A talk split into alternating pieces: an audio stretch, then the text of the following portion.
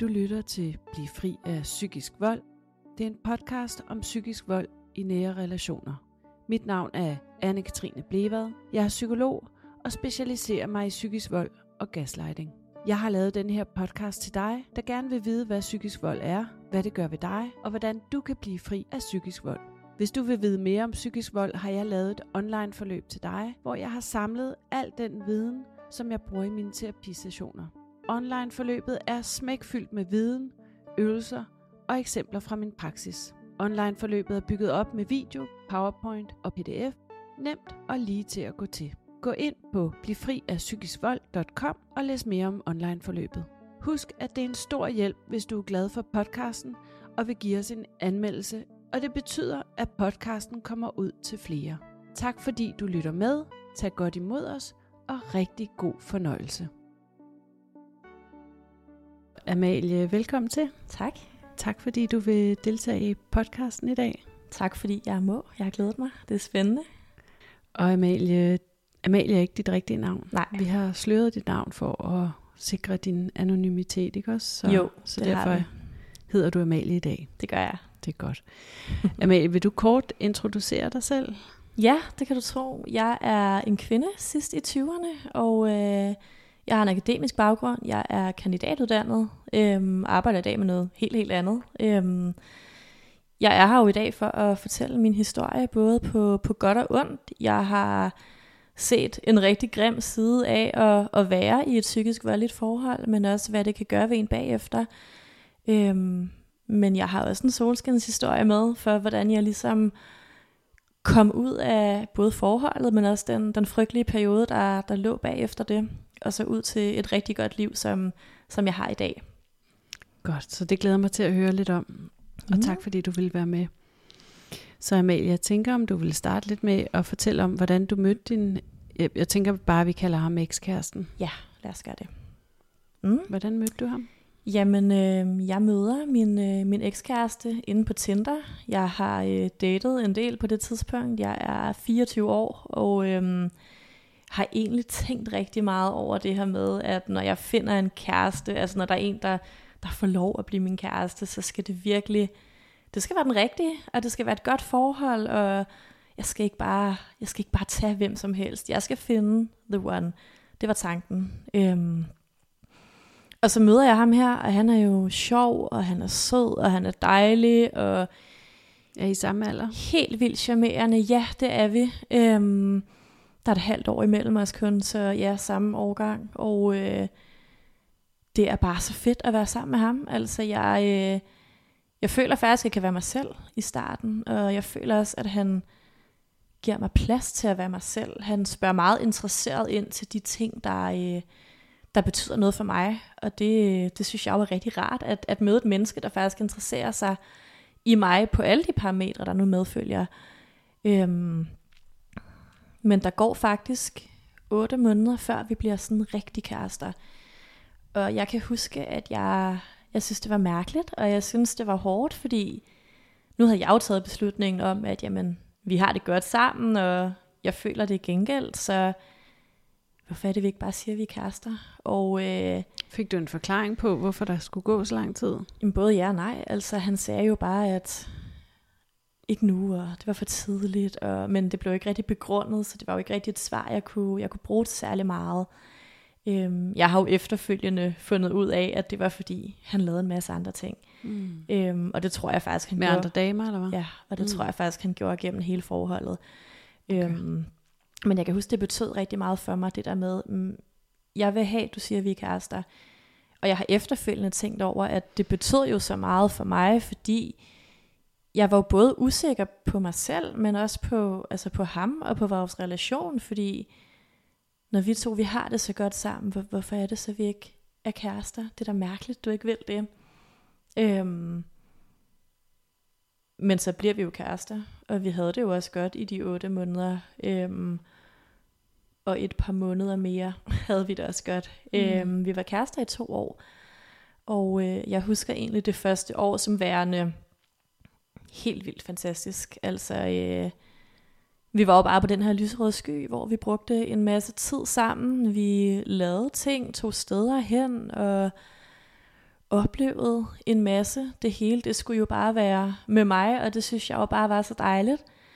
Men øh, som tiden går, så begynder det jo at aftale lidt for ham, at, at være i den her fase. Så han begynder jo lidt at, øh, at nedprioritere mig, føler jeg. Og, og, og, og undskyld, inden du går videre til det, har, har du nogle røde flag i den, de første, den første periode der? Er der noget sådan, ud over at han ikke er så interesseret? Jeg kan faktisk huske Eller ikke er, er tilbageholden i forhold til at ville kalde sig kærester? Ja, jeg kan faktisk huske, at jeg taler med nogle af mine veninder om det her. Hvor, hvorfor, øh, hvorfor er det, at han ikke vil være kærester med mig? Og nogle af dem, de siger sådan, ej, men det er da også mærkeligt, ikke? Og, og øh, altså i dag, der vil jeg jo føle, at hvis jeg mødte en, en god mand og var i en sund relation, så ville jeg jo ikke have behovet, men det var jo fordi, der allerede var så meget usikkerhed forbundet lige fra starten. Mm. Men jeg følte det ikke rigtig som usikkerhed. Altså jo, jeg følte mig da usikker på, hvorfor vil du ikke det? Og, og, men jeg var ikke i tvivl om, at, at han jo gerne ville mig, så det var derfor, det var så forvirrende for mig. Mm. Øhm, men jeg kan huske en, en meget, meget specifik episode, hvor at jeg ligesom for første gang bliver bekendt med, der er et eller andet helt vildt mærkeligt over, øh, over det her. Øhm, jeg ved ikke, om jeg lige skal sige, at vi, øh, vi møder hinanden i, i februar, og så i december, så der går næsten et år, men så i december samme år, der er der den her episode, hvor at vi, øh, vi skal mødes, og jeg har været på studie, og han skulle til et eller andet møde. Øhm, og vi aftaler så at mødes et sted i nærheden af, af os begge to, og, og planen er egentlig, at han, han skal ligesom give lyd, når han er ved at være klar, og så kommer jeg, fordi jeg bor tæt på, øhm, på det sted, han, han nu er på det her tidspunkt. Og så er der noget, der kokser i den her kommunikation, og jeg ved heller ikke, hvis skyld det er, men det er jo i bund og grund også lige meget. Men det ender med, at han lige pludselig skriver, at han er hjemme, og jeg skriver, jamen, jeg troede, vi skulle mødes, og, og nå, men, men det gør ikke noget. Jeg, øh, jeg kan vel bare komme hjem til dig, det er også fint, men nu sad jeg bare her og ventede, og, og havde lidt regnet med noget andet. Øhm, og så skriver han, at, prøv at høre, øh, hvad skulle jeg have gjort? Jeg var til det her møde, det vidste du godt. Jeg kan jo ikke skrive midt i mødet, at vi er ved at runde af, vel? Og jeg kan jo heller ikke sidde og vente på dig. Så jeg er jo taget hjem. Altså, det kan du da godt forstå. Så, nå, jo, ja, ja, ja, ja. Øhm, det var heller ikke, og jeg beklager med det samme, for det skulle ikke, det skulle ikke forstås på den måde. Det jeg ligesom sagde. Øhm, og jeg ved ikke rigtig, hvad det er, der så sker herfra, men, men det ender først med, at han siger, prøv at høre, du kan bare lade være med at komme. Altså, jeg, jeg magter ikke i dag alligevel. Jeg, jeg, jeg gider ikke se dig. Og det synes mm. jeg var sådan helt vildt mærkeligt, fordi hvad, hvad har jeg sagt, der var så forkert?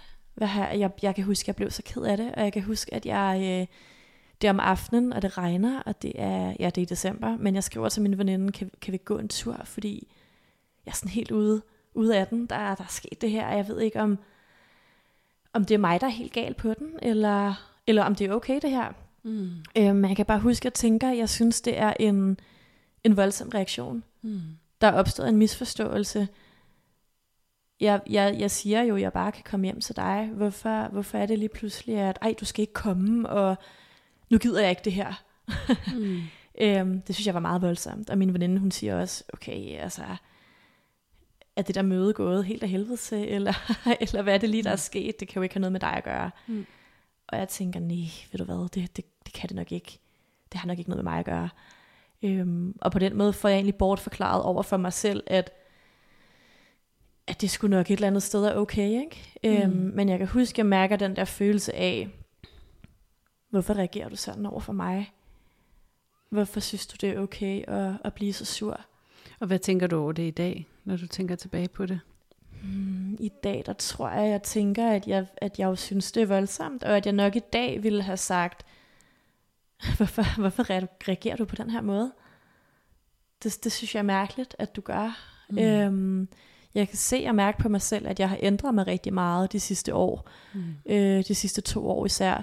Hvorimod jeg er gået fra at være den her pleaser, der bare altid har sagt, ej undskyld, øhm, det, det er også min fejl. Også selvom jeg har vidst, at det var det jo i bund og grund ikke. Men, men hvis du ligesom får ret, så for min skyld også fred, ikke? Altså, mm. så behøver jeg ikke at, at gå og tænke alt muligt med, at, at nu er vi bad standing, og, og det er min skyld, og hvad kan der ske? Altså, kan jeg miste min relation og alt det her? Mm.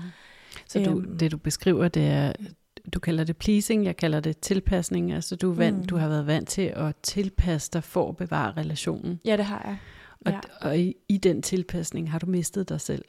Det har jeg nemlig fuldstændig, fordi det der jo så sker, det er jo, at mine grænser bliver brudt. Ja, lige præcis. Ja. Og jeg tænker, nej, men jeg tænker bare lige i forhold til den her normalisering, bortforklaring, du laver, fordi mm. den hedder faktisk et navn, den hedder kognitiv dissonans. Mm. Og det er, når vi har en relation, hvor der sker noget, som vi kan blive sådan øh, miste orienteringen om, eller blive forvirret over. Ja. Og for at bevare relationen, så har vi en tendens til at, at, at nedtone det negative og opgradere det, øh, det positive. Mm. Og i, når vi gør det, så er vi jo med til at bevare relationen. Vi gør det for at kunne bevare relationen, så når han mente det ikke så slemt, og det var også nok mm. bare et svært møde, og det, måske var det også mig, der var lidt for meget. Og ved mm. at gøre det, så holder man, altså kan man, er det nemmere at holde fast i relationen. Ja. Hvorimod havde du gjort, som du lige sagde her, jamen, altså hey, hvorfor reagerer du? Det er total mm. overreaktion, og det er ikke i orden. Jeg vil ikke have, at du taler sådan til mig. Jeg forstår det. Jeg forstår mm. simpelthen ikke, hvad det er, du har gang i. Ja. Men så, så er der jo risiko for, at han så siger, så vil jeg ikke være sammen med dig. Ikke? Mm. Så, så for at bevare det særlige i starten af forholdet, den her kognitive dissonans foregår, det er jo fordi, man er forelsket, og man har en tendens til at sætte hinanden lidt op på en pedestal, og man vil gerne bevare relationen. Mm.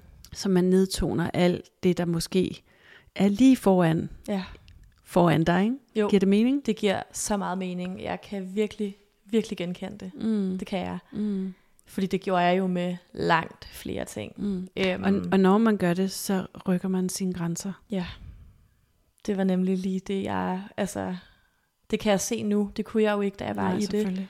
Øhm, men tit i dag, når jeg tænker på nogle af alle de her ting, der er sket, så tænker jeg jo, altså hvorfor, hvorfor tillod jeg det?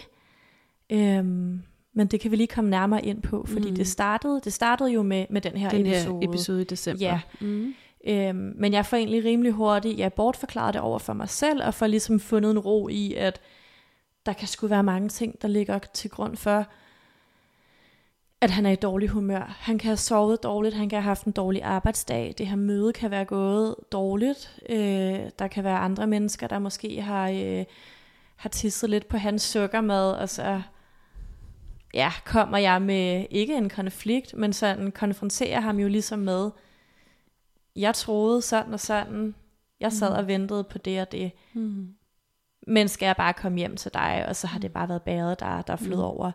Øhm, det finder jeg ligesom en eller anden ro i at, at tænke, og som nævnt, så var det jo december, som jo er en, en rigtig glædelig måned, og det er vores første jul sammen. Øhm, så hvordan bliver I genforenet? Eller forsonet? Det gør vi egentlig ved, at, øh,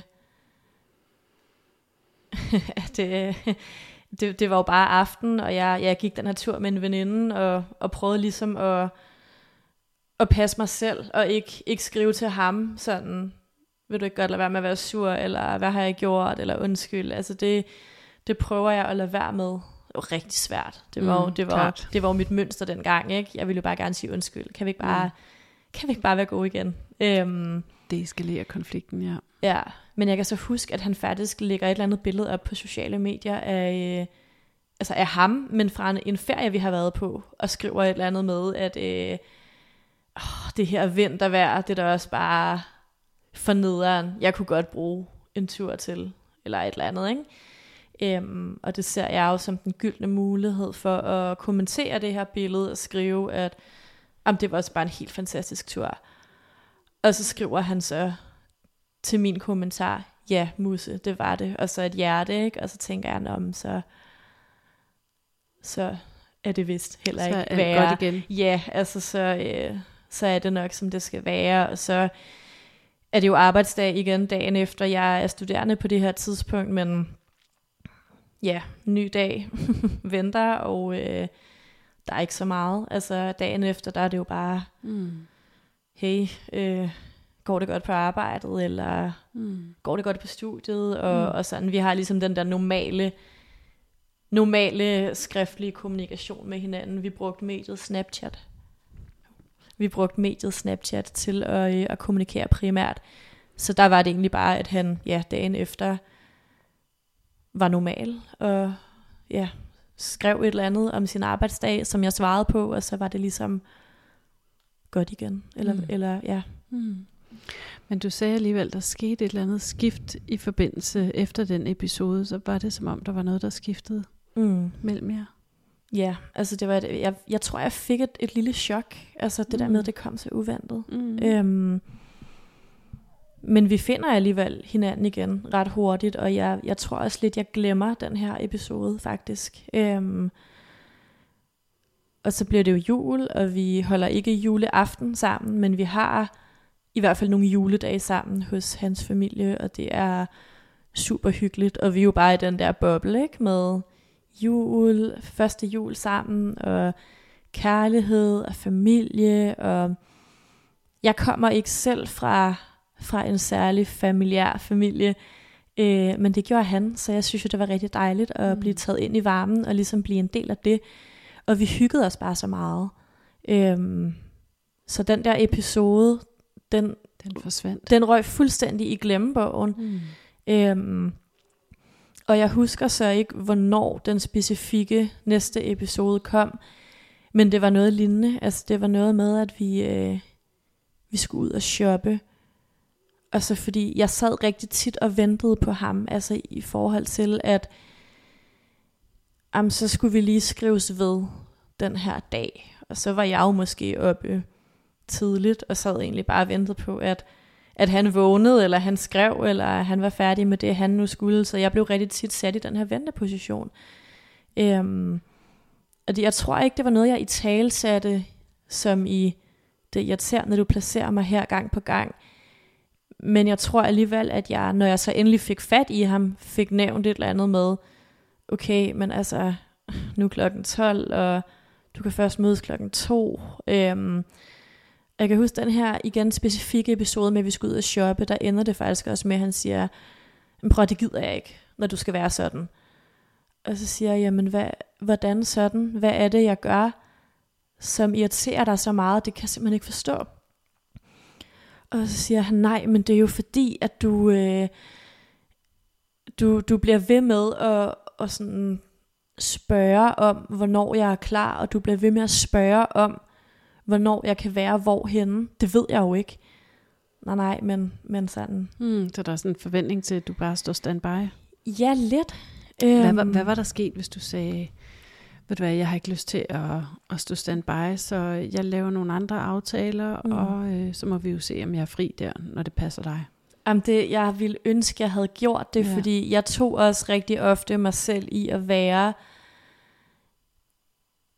altså på en eller anden måde frivilligt i standby-position, ikke? Fordi mm. at jeg tit tænkte, jeg vil bare så gerne se ham. Ja, selvfølgelig. Så det er fint nok, jeg venter bare til klokken 3 eller klokken 4, eller hvornår han lige føler, at han bliver klar til mig.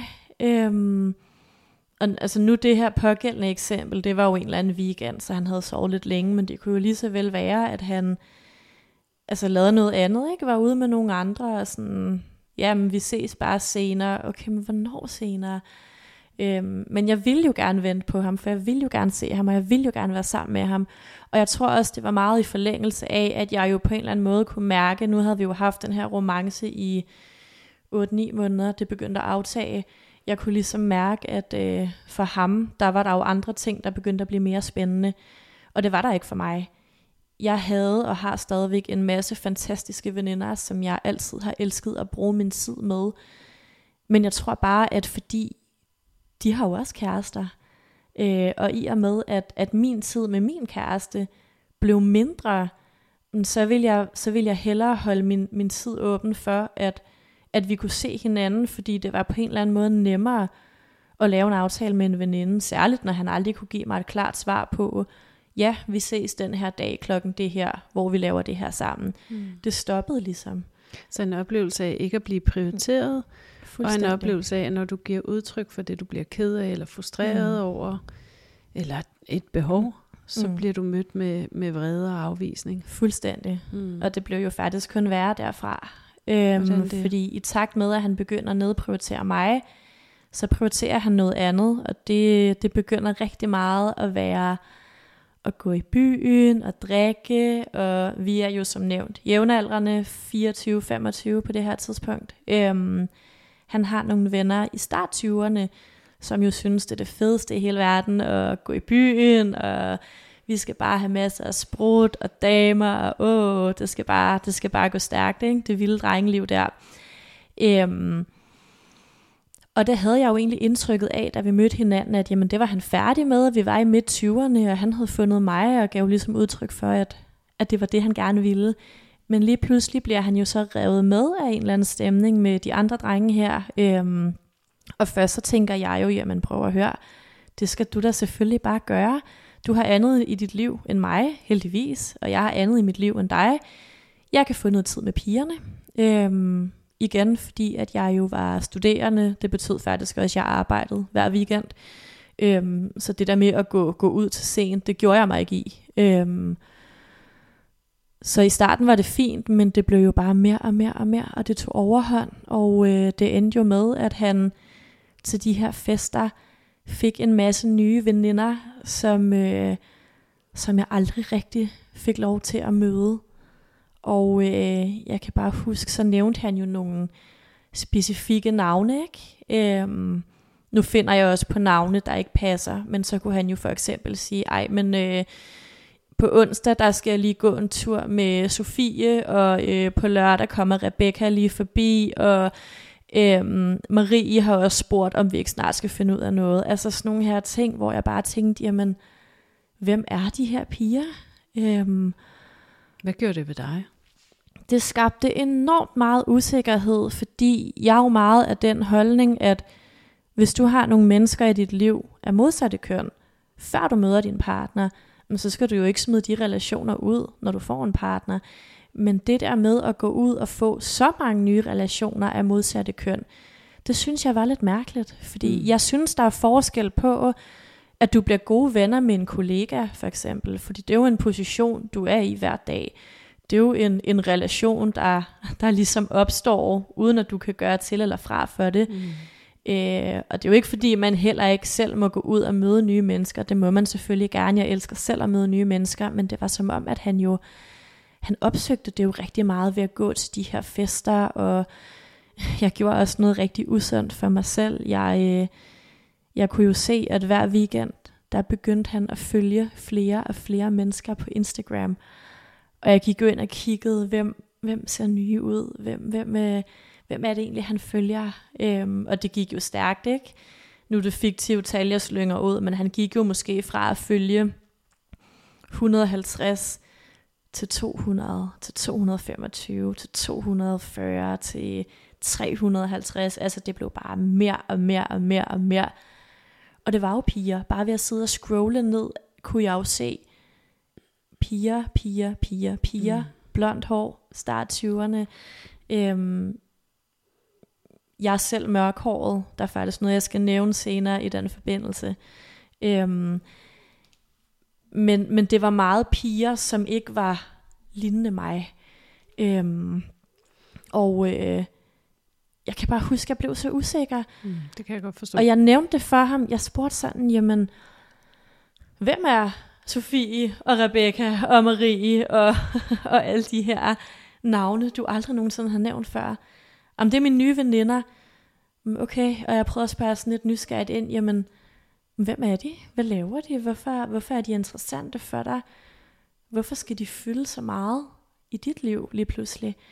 Øhm, og jeg spurgte også, kan jeg få lov til at møde dem? Og det sagde han jo. Jeg spurgte jo, om jeg kunne få lov til at møde dem, og det sagde han jo, at ja ja, det skal du nok komme til. Og jeg sagde, okay, men hvornår? Jamen, når det lige passer ind. Altså, det skal jo passe ind. Det skal jo ikke være malplaceret, vel? Mm. Så nej, okay, men altså, hvordan malplaceret? Du sagde, at du skulle gå en tur med hende her. Kan, kan jeg ikke bare gå med? Ej, det vil være mærkeligt.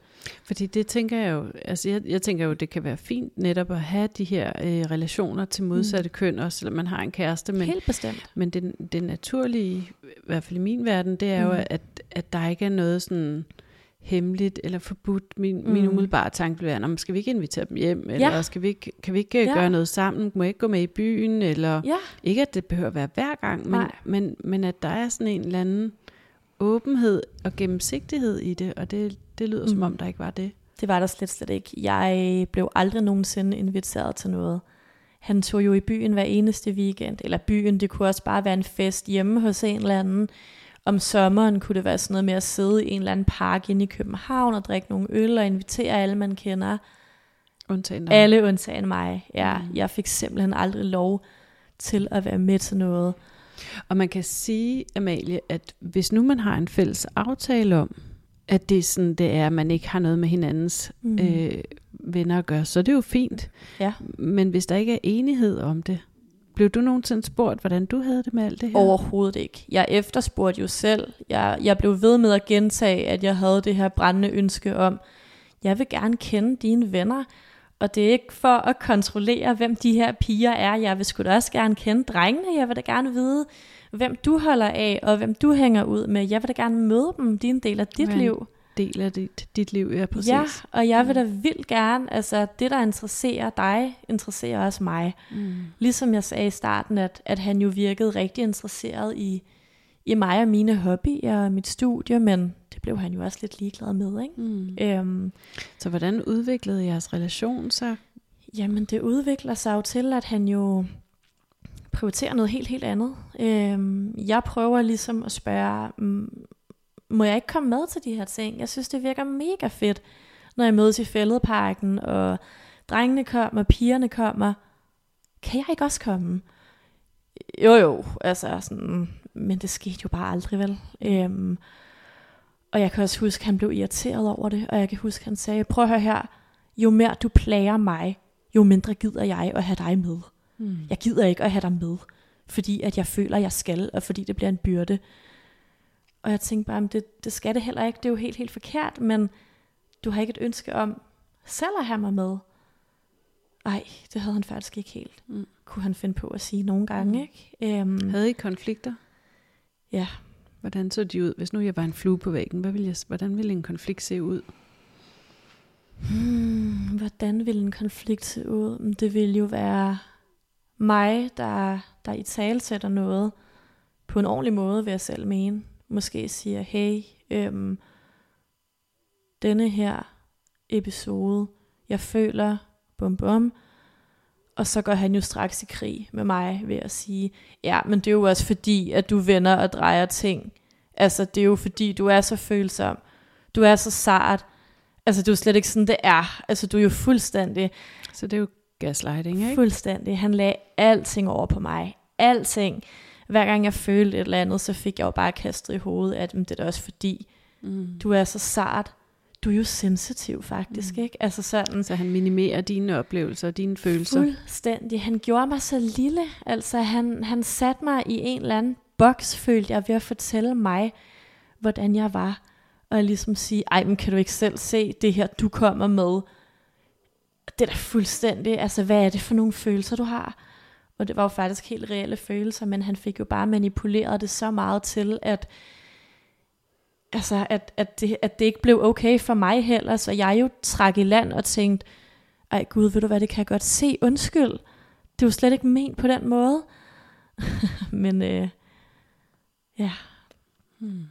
og jeg kan huske, at jeg var i så meget konflikt med mig selv, fordi jeg tænkte, jeg føler de her ting, og det føler jeg gerne, jeg må. Og hvis jeg nævner for mine veninder, hey, den og den episode, hvad tænker du? Så gav de mig jo ret i det, og de var også gode til ligesom at understrege, jeg siger ikke det her, fordi jeg er din veninde, og jeg skal give dig ret. Jeg siger det faktisk virkelig, fordi jeg synes, der er noget fuldstændig galt her. Mm. Jeg synes, det er en mærkelig måde, han reagerer på.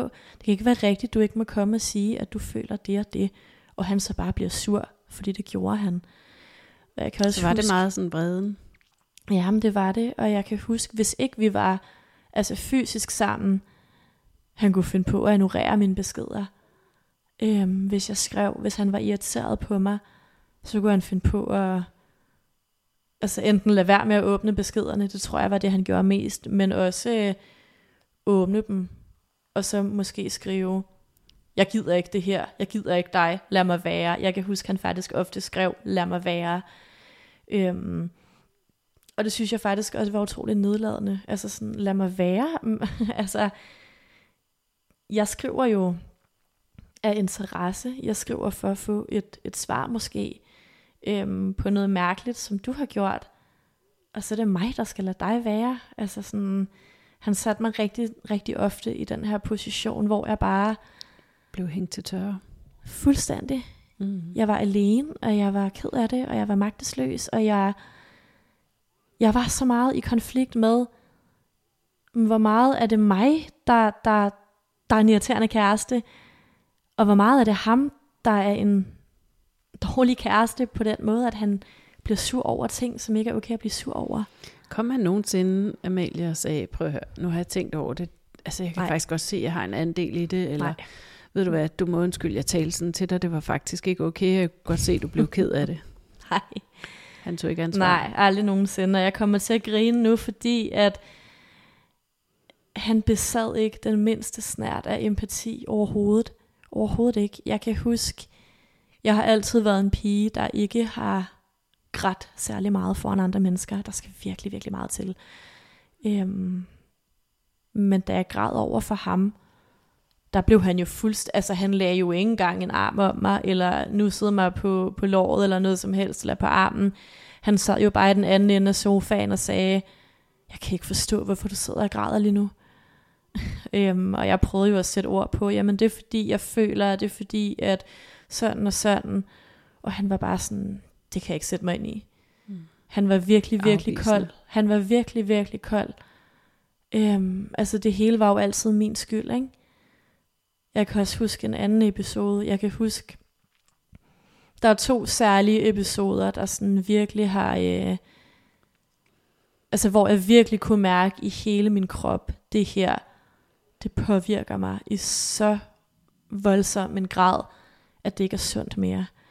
Øhm, den første gang, det var hvor, at øh, han var hjemme hos en af de her populære veninder, som faktisk boede ret tæt på mig. Øh, vi snakker 10 minutter på et el-løbehjul, eller en cykel, eller hvad man nu lige... Øh, jeg boede i Indre By dengang. Øhm, og han var hjemme hos den her veninde, og det var vist bare de to, og det var sent om aftenen. Jeg var selv lige kommet hjem. Jeg har været til noget påskefrokost med øh, mit daværende arbejde. Øhm, og vi aftaler faktisk, jamen du er jo lige i nærheden af, af mit hjem, så kunne du ikke tænke dig at komme her hjem og sove? Det kunne være rigtig dejligt. Og han siger jo selvfølgelig. Og jeg tænker, ej hvor godt. Og han havde en nøgle til mit hjem, så jeg skriver, jeg er ligeglad med, hvad klokken er. Du kommer bare. Og jeg kommer selv hjem fra den her påskefrokost, og øh, begynder uden grund egentlig at sådan have sådan lidt mærkelig fornemmelse af, at jeg tror sgu ikke, han kommer. Og det er ikke fordi, han har skrevet noget, der virker mistænksomt, eller, eller noget som helst, men, men jeg begynder bare at få fornemmelsen af, han, han kommer ikke. Øhm, jeg skriver så til ham igen, jeg håber, I hygger jer. Øhm, jeg tror snart, jeg går i seng, men ja, du kommer bare, og jeg glæder mig. Og han skriver, ja, men vi hygger, og ja, ja, det gør jeg, og sådan, ikke? Øhm, og jeg, jeg, jeg kan bare ikke sove. Altså, jeg ligger bare, og hele min krop er bare sådan i, i uro. Og så kan jeg se, at han har ikke været online på de her diverse sociale medier i lang tid. Øhm, og lige pludselig, der ved jeg jo godt, at jamen, han, han, han, han er gået i seng, altså hjemme hos hende. Øhm, I hvilken forstand, det ved jeg jo ikke. Øhm, men jeg bliver lige pludselig klar over, da han ikke har været online længe, at også fordi han stopper med at svare, øhm, så bliver jeg klar over, okay, han kommer jo faktisk ikke.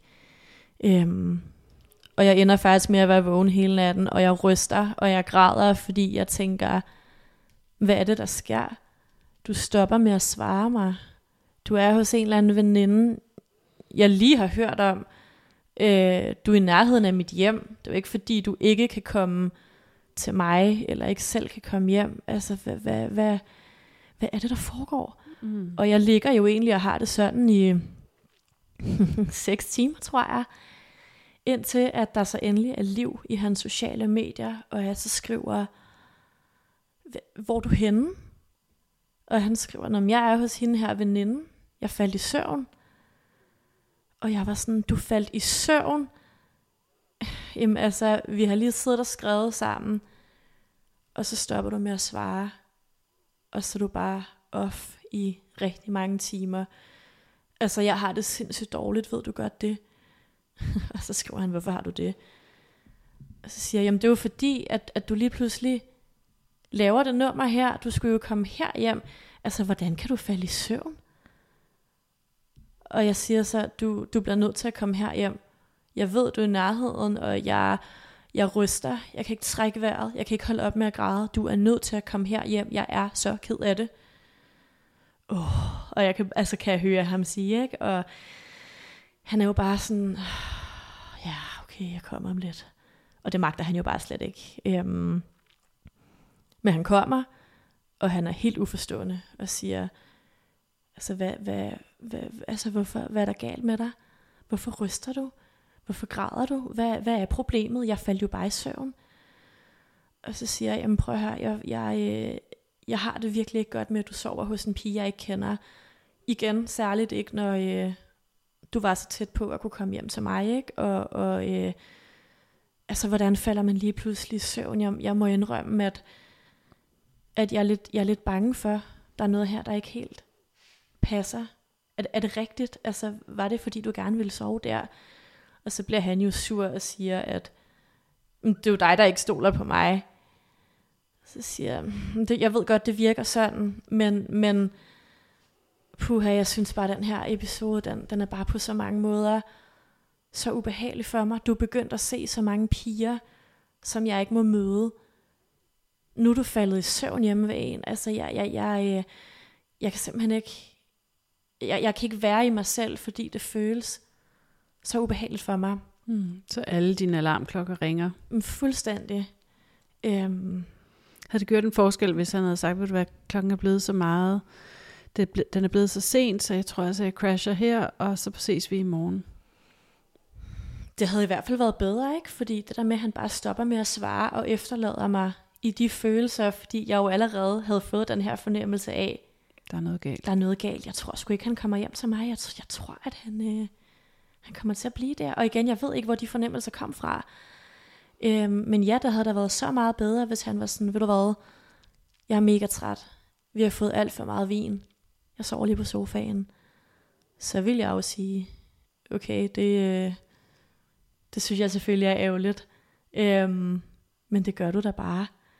Og så vil jeg måske, når jeg så ham igen, så sige,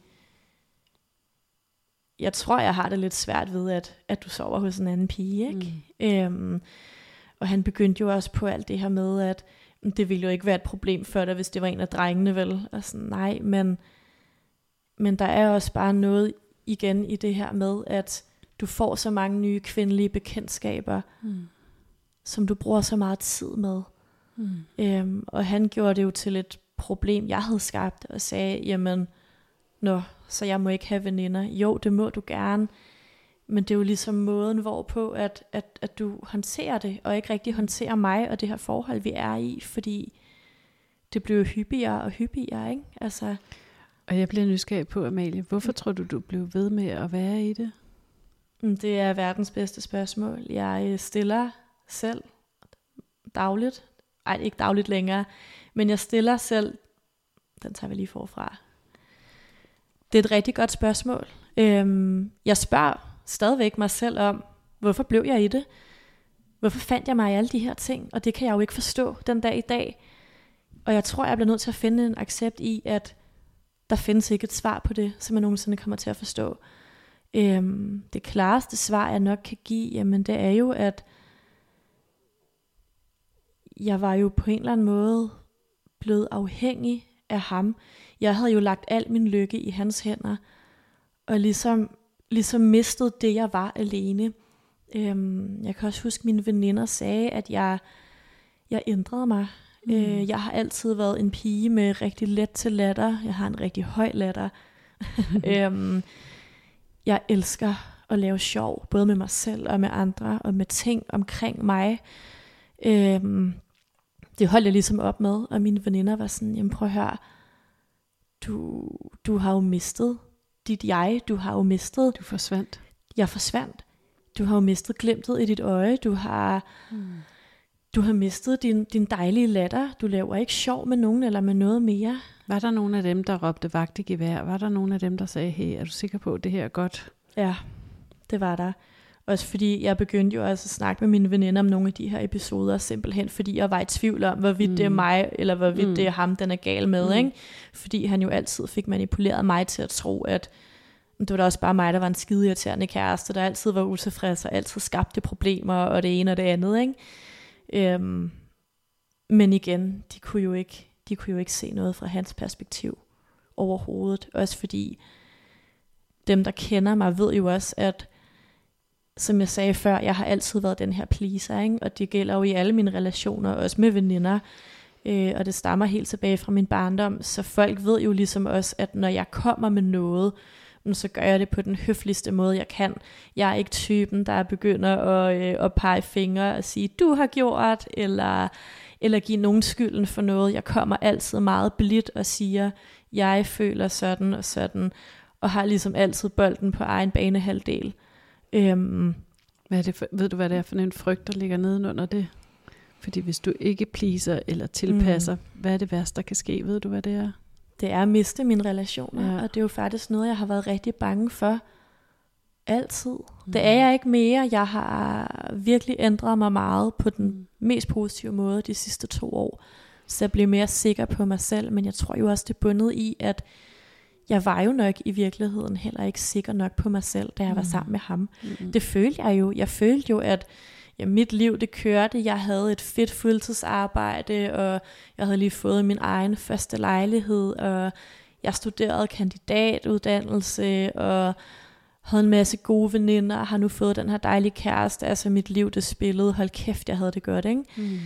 Øhm, men, men, men jeg har jo nok aldrig på det tidspunkt dyrket mine indre værdier i form af, hvor er mine grænser egentlig? Fordi det har jeg jo åbenlyst ikke været bevidst om. Og øh, når jeg så mærkede, okay, grænsen er faktisk her, hvor du sover hos en veninde, mm, så skubbede han den jo, ikke? Også fordi jeg endte jo med at tilgive det. Det ender jo faktisk med, for lige at gå tilbage til den episode, at jeg jo stadig græder, øh, når han kommer. Og det ender jo faktisk også med, at det er mig, der siger undskyld, ikke? Øhm, fordi, ej, ved du hvad, måske har jeg også overreageret. Jamen, det kan jeg da godt se. Altså, selvfølgelig havde det jo heller ikke været noget problem, hvis det var en af drengene, og, og der er der heller ikke noget galt i at sove på sofaen. Selvfølgelig er der ikke det. Altså, sådan, jeg, jeg får virkelig... Øh, Skubbet til dine egne grænser der. Jamen, fuldstændig. Så jeg ender jo bare med at undskylde det og sige, prøv her her, selvfølgelig må du have hende her, veninde, og alle de andre men for så stadig sagt, jeg vil bare så gerne møde dem, men der er det jo igen, han siger, det skal du nok komme til. Så han holder dig også hen, ikke? Altså. Han holder mig fuldstændig hen, fordi jeg får aldrig mødt nogen af de her. Mm-hmm. Og der kommer jo kun flere og flere veninder på den liste, ikke? Altså mm. med de navne, han jo slyngede ud, at ja, så skulle han lige mødes med, med den og den. Mm. Øhm, jeg kan faktisk huske, at øhm, det er også en meget, meget vanvittige ting, jeg har gjort for ligesom at, at prøve at være god nok for ham. Mm. Øhm, jeg har altid været mørkhåret. Af natur, der har jeg den der klassiske lever på stejs farvehår. Og jeg kan huske, jeg ville altid gerne farve hår, også da jeg var barn, og det måtte jeg ikke. Så da jeg blev 18, så tænkte jeg, nu gør jeg det. Nu er jeg 18, og siden den gang, der har jeg været mørkhåret, og jeg har elsket det. Og det er mig, og det er min identitet. Øhm, men som jeg nævnte før, så scrollede jeg jo på Instagram og kunne se en masse lyshårede piger. Og øh, tanken havde egentlig ikke strejfet mig, at jeg selv skulle være lyshåret. Indtil at øh, min frisør, som jeg har haft i rigtig mange år, han spørger, om, øh, om der skal ske noget nyt på et tidspunkt. Og jeg tænker, mm, hvad skulle det være? Og så nævner han så selv, at jamen, nu bliver det sommer, og skal vi prøve at, at, at gøre dig lyshåret? Og der har jeg jo også mistet mig selv, fordi jeg siger jo bare, ej, ja, det er en god idé. Virkelig god idé. Ja, selvfølgelig. Ej, og jeg kan huske, at jeg også tager mig selv i at tænke, kan jeg vide, hvad min kæreste vil synes? Mm. Altså, han vil jo sikkert synes, at jeg er meget pænere nu, fordi at jeg, øh, jeg bliver lyshåret, ligesom alle de her veninder, og øh, jeg, jeg lader mig jo se alle de her blonde piger på Instagram, nu kan jeg blive en af de her blonde piger, og jeg er jo faktisk også hans kæreste, nu kan det sgu da ikke blive bedre. Øhm, så jeg tænker, det er da verdens bedste idé. Øh, det skal lige nævnes, min frisør aner jo ikke noget om det her. Øh, han har jo bare sagt det i verdens bedste Han tro. har ikke noget ansvar her. Han har overhovedet intet ansvar. Han synes bare, der skulle ske noget. Fuldstændig, og jeg tror også, det er meget typisk det der med, når, når vejret ligesom vender til det bedre med sol og forår og sommeren, der er på vej, så er der jo mange, der måske godt kan lide at få lidt, lidt lysning i håret, ikke? og jeg tror da bare, det var det, han havde tænkt, fordi det er jo sådan en standard kunde, der gerne vil sådan noget, vil du ikke også gerne det? Øh, men jeg ender jo faktisk med at blive helt lyshåret. Ret pænt, altså, altså pænt udført arbejde af ham. Ikke en finger at sætte på det, men jeg kunne ikke identificere mig selv med det. Jeg kiggede i spejlet og tænkte, hvem fanden er du? Hvem fanden er du? Og det værste, og jeg glemmer det aldrig, det første jeg så, det var jo håret, men når jeg kiggede mig selv i øjnene, så kunne jeg jo også se den pige, der, der ikke var mig mere, ikke? Øhm, og for lige at vende tilbage til, til, hvorfor jeg egentlig gjorde det, altså, han var jo heller ikke begejstret. Han var bare sådan, at det er da meget pænt, dit nye hår. altså. Så, han, så han kunne ikke, øh, altså det, det havde ingen effekt? Nej, det havde det faktisk overhovedet ikke. Jeg fik slet ikke den, øh, den anerkendelse for det, som jeg jo havde ønsket mig på daværende tidspunkt. Øhm, og jeg kan faktisk huske, det kommer jeg lige i tanke om nu, som jeg også synes er ret vigtigt at nævne. Hans humor, den, øh, den var ret grov. Så han brugte tit ting omkring mig og mit udseende til at nedgøre mig. Han synes jo, det var sjovt, men så kunne det jo være sådan noget med, at amen, øh, jeg har en stor næse. Og det har jeg faktisk overhovedet ikke. Overhovedet ikke. Ikke det, ikke, det, ikke det, det der ligner. Det har jeg slet ikke, men, men det var sådan noget, han sagde. Ikke? Og så kan jeg huske, at jeg tit tog mig selv i, at når jeg tog et selfie for eksempel, så tænkte jeg over, har jeg en stor næse? Og jeg har måske en stor næse. Måske den her vinkel også skal det være, ikke? Men sådan, det var sådan nogle ting, han påpegede. Og det, man kan sige, det, det, det får, en, får den gaslightende effekt, når det bliver nedgørelser, der bliver pakket mm. ind i humor eller omsorg. Ja. Øh, jamen, jeg gør det jo bare for sjov, eller jeg ja, siger det jo bare, fordi jeg er vild med dig. Han eller... gjorde det jo nemlig, han gjorde det jo også, altså på sin egen mærkelige, sjove måde. Ikke? Det var jo mm. ikke, fordi han ud af det blå sagde, hold kæft, hvor har du også en stor næse egentlig, men altså, mm.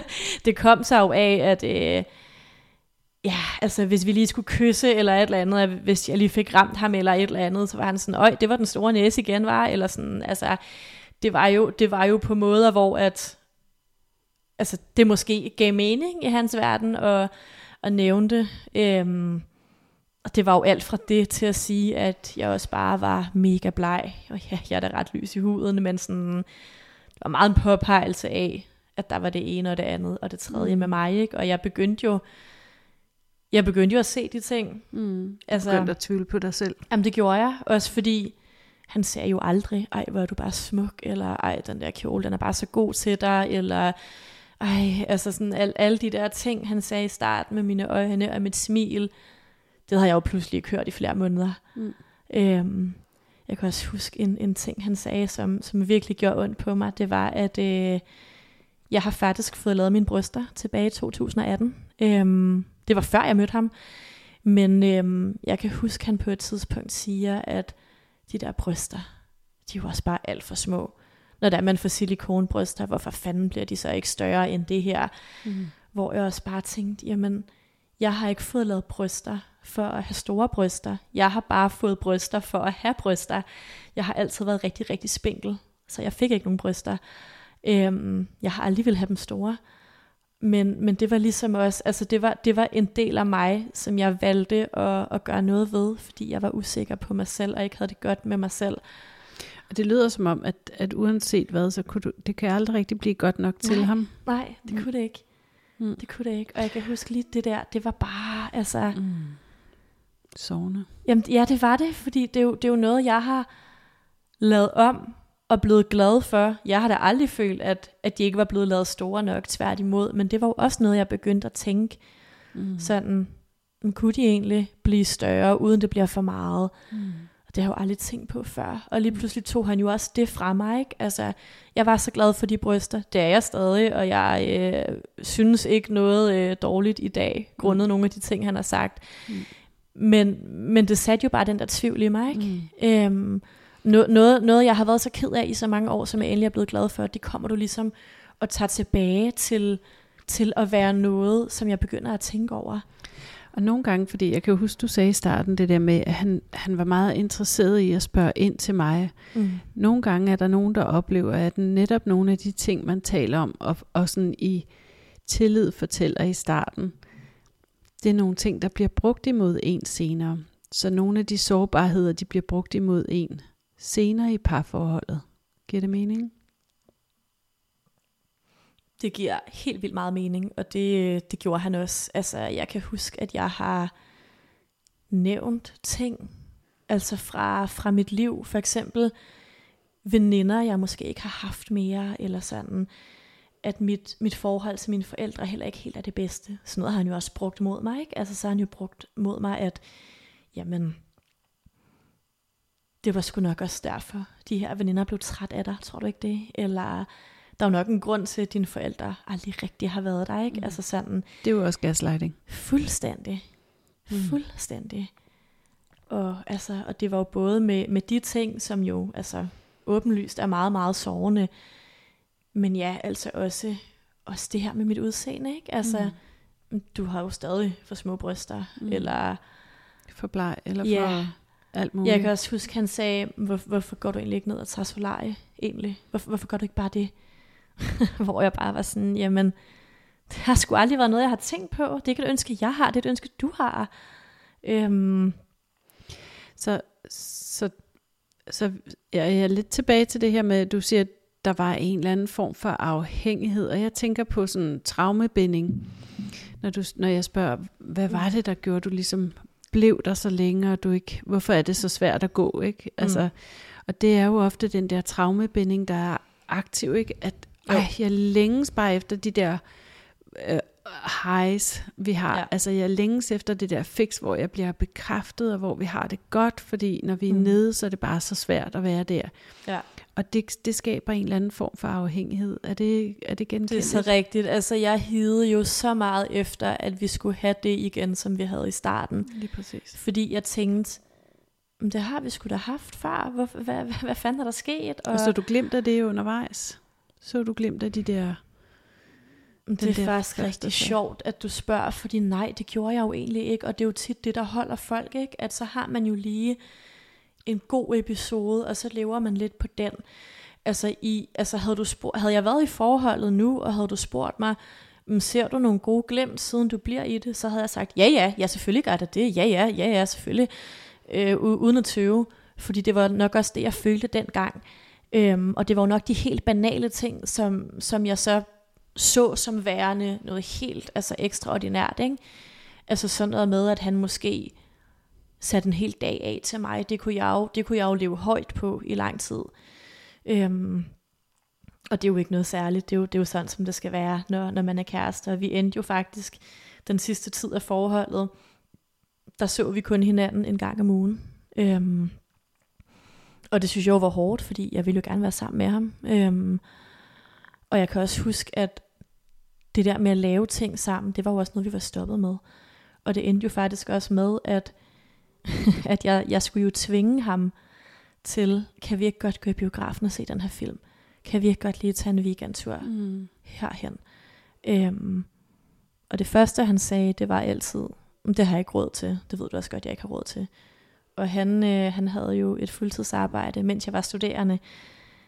Men han havde stadigvæk ikke råd. Øhm, og det passer jo ikke. Mm. Altså, han, han boede også med, med nogen, så han har jo ikke haft de vilde udgifter på, på den måde, taget i betragtning af, at han jo netop havde et fuldtidsarbejde, en billig husleje, men han prioriterede jo netop bare at bruge pengene på alt andet end mig. Mm. Fordi han kunne jo godt tage ud og brænde penge af med alle vennerne byture. og veninderne. Rigtig mange byture.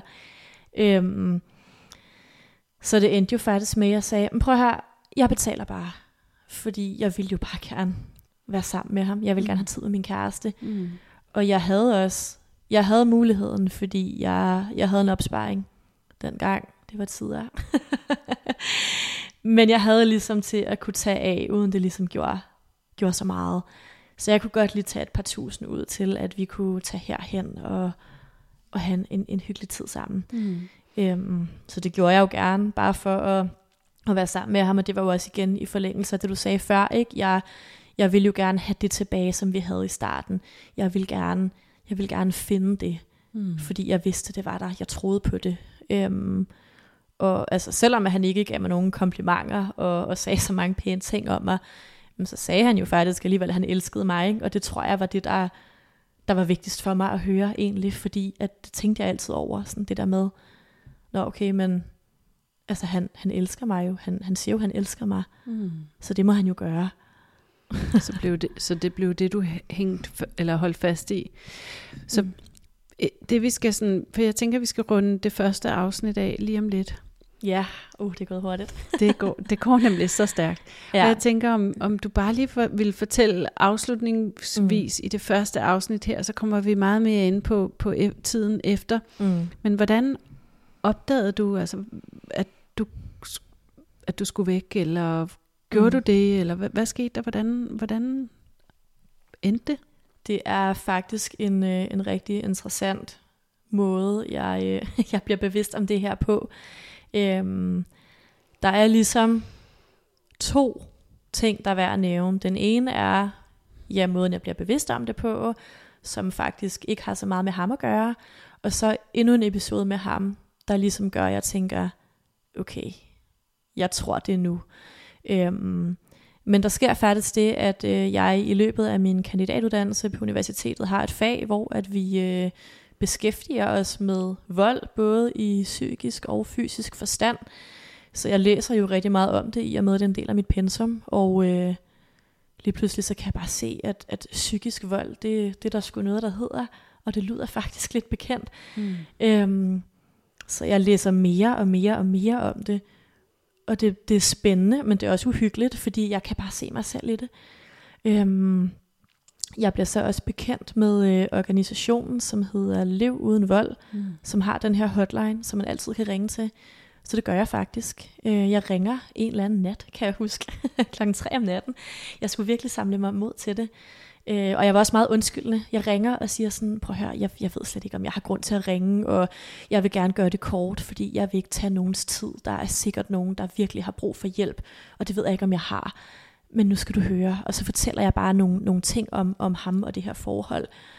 Og så siger hun, prøv at høre her, ja, ja, du skal virkelig ikke være i tvivl. Altså, hvordan kan du være i tvivl? Det her, det er psykisk vold, så det brager. Og jeg var bare sådan, nå, okay. Ej, og jeg, jeg var fuldstændig chokeret. Øhm, fordi jeg tror, igen kvæg af, at jeg gik på universitetet, og ligesom altid har har søgt svar. Jeg tror, jeg manglede et svar. Jeg tror, jeg manglede en grund til at gå fra det her forhold. Jeg, jeg, der, der var jo ikke grund til det. Men lige pludselig var der et lighedstegn mellem forhold er lige med psykisk vold i det her, øh, i den her forbindelse i hvert fald. Ikke? Øhm, fordi det var jo ikke et godt forhold, og det var jo begyndt at gå op for mig. Øh, men da jeg ligesom får at vide, det er jo psykisk vold, og det er altså rigtig farligt. Og jeg får så også at vide, at hende her, den søde dame, jeg taler med i telefonen, jeg ved ikke, om det var en øh, psykolog eller en socialrådgiver. Der er jo forskellige fagfolk, mm. der, der tager telefonen. Øhm, men, men hun fortæller mig i hvert fald, i værste tilfælde, der kan du altså risikere at udvikle PTSD. Og hun spørger mig, mærker du noget fysisk nu, i, i altså den, den seneste tid her? Og det gør jeg jo faktisk. Jeg begynder jo at få sådan nogle angstsymptomer. Øh, de er ikke kronisk på det her tidspunkt, men i bestemte episoder, der er hele min krop jo bare i fuld beredskab. Ikke? Det er hjertebanken, og det er rystetur, og det er hele muligheden. Øhm, men den her samtale med hende her, øh, den, den gør noget for mig, og jeg, øh, jeg går faktisk videre til min læge, som er helt fantastisk. Jeg har et godt forhold til ham. Ham har jeg haft altid. Så jeg fortæller ham om, øh, om den her samtale, og han var også godt bevidst om, at jeg nok var i et forhold, der ikke helt var så godt. Og han giver jo hende her damen ret og siger, jamen, du bliver nødt til at komme ud af det. Og vi snakker, der skal altså ikke gå meget mere end tre måneder. Øhm, jeg tror, det var oktober måned, det her. Øhm, ja, det er oktober måned. I samme periode faktisk, der, øh, der snakker jeg og ham her, kæresten, om at flytte sammen. Og øh, jeg er faktisk i total vildrede, fordi jeg har lige fået det her at vide af nogle fagfolk, som jeg har rigtig stor øh, respekt for. men han begynder jo også at... Øh, er det ham, der tager initiativ til det? Det er det faktisk. Det er det faktisk. Og, og der ser jeg jo en, ja, en åbning for, at han jo gerne vil mig og et liv, og, og han begynder jo også at sige, at jeg skal jo heller ikke gå så meget i byen, når der vi flytter sammen. Og jeg ved da godt i dag, det holder jo ikke en meter vel. Men jeg begyndte jo at tro på det, og også mm. igen, fordi det var hans initiativ. Øhm, og han taler jo ind i noget af det, du har længtes efter så lang tid, ikke? Lige præcis. Han siger jo det, jeg elsker at høre. Mm. Og vi er jo faktisk også ude og kigge på lejligheder. Øhm, og det, det ligger bare i kortene, det er det, der skal ske. Og jeg er faktisk rigtig glad, øh, fordi at jeg, jeg tror jo bare helt fuldt og fast på det her. Men øh, heldigvis, og jeg siger virkelig heldigvis, fordi jeg tør ikke at tænke på, hvordan det var endt, hvis ikke det her, jeg skal sige nu, det skete. Men han får simpelthen kolde fødder, ikke? Han beslutter sig jo for at flytte sammen med nogle af de her unge drenge i 20'erne, som han fester med hele tiden. Øhm, det vil han lige pludselig hellere. Og jeg bliver jo så ked af det, fordi vi har jo den her aftale. Vi har været og kigge på lejligheder sammen. Hvor, hvorfor trækker du mig igennem det her? For så at sige, ej ved du hvad, det gider jeg sgu ikke alligevel. Øhm, og der vender han den jo op mod mig igen og siger, det er jo dig, der har troet, at vi skulle flytte sammen nu. Vi skal jo først flytte sammen om et halvt år. Jeg skal jo bare lige bo med drengene. Det kan du vel godt forstå, jeg gerne vil. Jeg har jo aldrig boet med nogle venner før. Øh, fordi dem han boede med før var ikke nogen han kendte eller havde et forhold til. Men nu fik han jo så muligheden for at bo sammen med nogle gode venner, og det kan jeg da godt forstå, man gerne vil. Jeg har også boet med nogle veninder, da jeg startede med at flytte hjemmefra. Øhm, men jeg synes ligesom, det var for sent. Nu havde mm. vi været kærester i næsten to år på det her tidspunkt. Du har sagt, du ville det her. Du har taget mig med ud og kigge på lejligheder. Mm. Og jeg kan huske, at jeg blev så voldsomt ked af det. Men det var i samme periode, at jeg ja, får de her ting at vide af fagfolkene. Og så tænker jeg, okay, men måske det er det her, der så er svaret. Svaret ligger i, at det er psykisk vold. Med de ord blev det afslutningen på afsnit 1 om Amalie. Du kan lytte med til afsnit 2, hvor Amalie fortæller om brudet med kæresten, som ikke bliver uden omkostninger. Og det gør det ikke, fordi Amalie er så hårdt ramt af den psykiske vold, at hun må søge hjælp i psykiatrien. I afsnit 2 fortæller Amalie også om hendes vej igennem helingsprocessen og hvordan hun har det i dag. Du finder afsnit 2, der hvor du plejer at lytte til dine podcasts. Rigtig god fornøjelse. Tak fordi du lyttede med. Husk at det betyder meget for både mig og mine gæster, hvis du vil skrive en anmeldelse eller give os nogle stjerner. Hvis du er i tvivl, om du enten lever med eller har været udsat for psykisk vold, så har jeg lavet et online forløb til dig. Flere af dem, der allerede har taget online forløbet, har oplevet, at de tvivlede mindre på sig selv, oplevede, at de var mere afklaret og i det hele taget stod stærkere i sig selv, efter de havde taget online forløbet. Hvis du vil vide mere, så kan du gå ind på blivfriafpsykiskvold.com og læse mere om kurset. Du er også velkommen til at skrive til mig, hvis du har spørgsmål til online forløbet.